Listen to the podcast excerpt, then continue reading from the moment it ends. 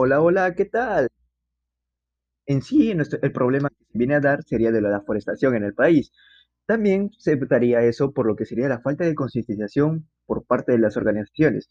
Y ante ese problema viene lo que sería nuestra empresa, que sería Jugo Deli, que tiene como objetivo brindar a las personas un producto de calidad para ayudar a disminuir la contaminación e incrementar la forestación. ¿Cómo haremos eso? Bueno, los contenedores de jugo biodegradable, además de estar compuestos por semillas elaboradas en el mismo jugo, aparte también los envoltorios de, de la cual brindaremos azúcar, estarán hechos con material biodegradable. Esto lo que ayudará, lo que hará sería concientizar a las personas a plantar diferentes árboles de frutas para así aumentar lo que sería la forestación y también ayudaría a reducir la contaminación con envases biodegradables.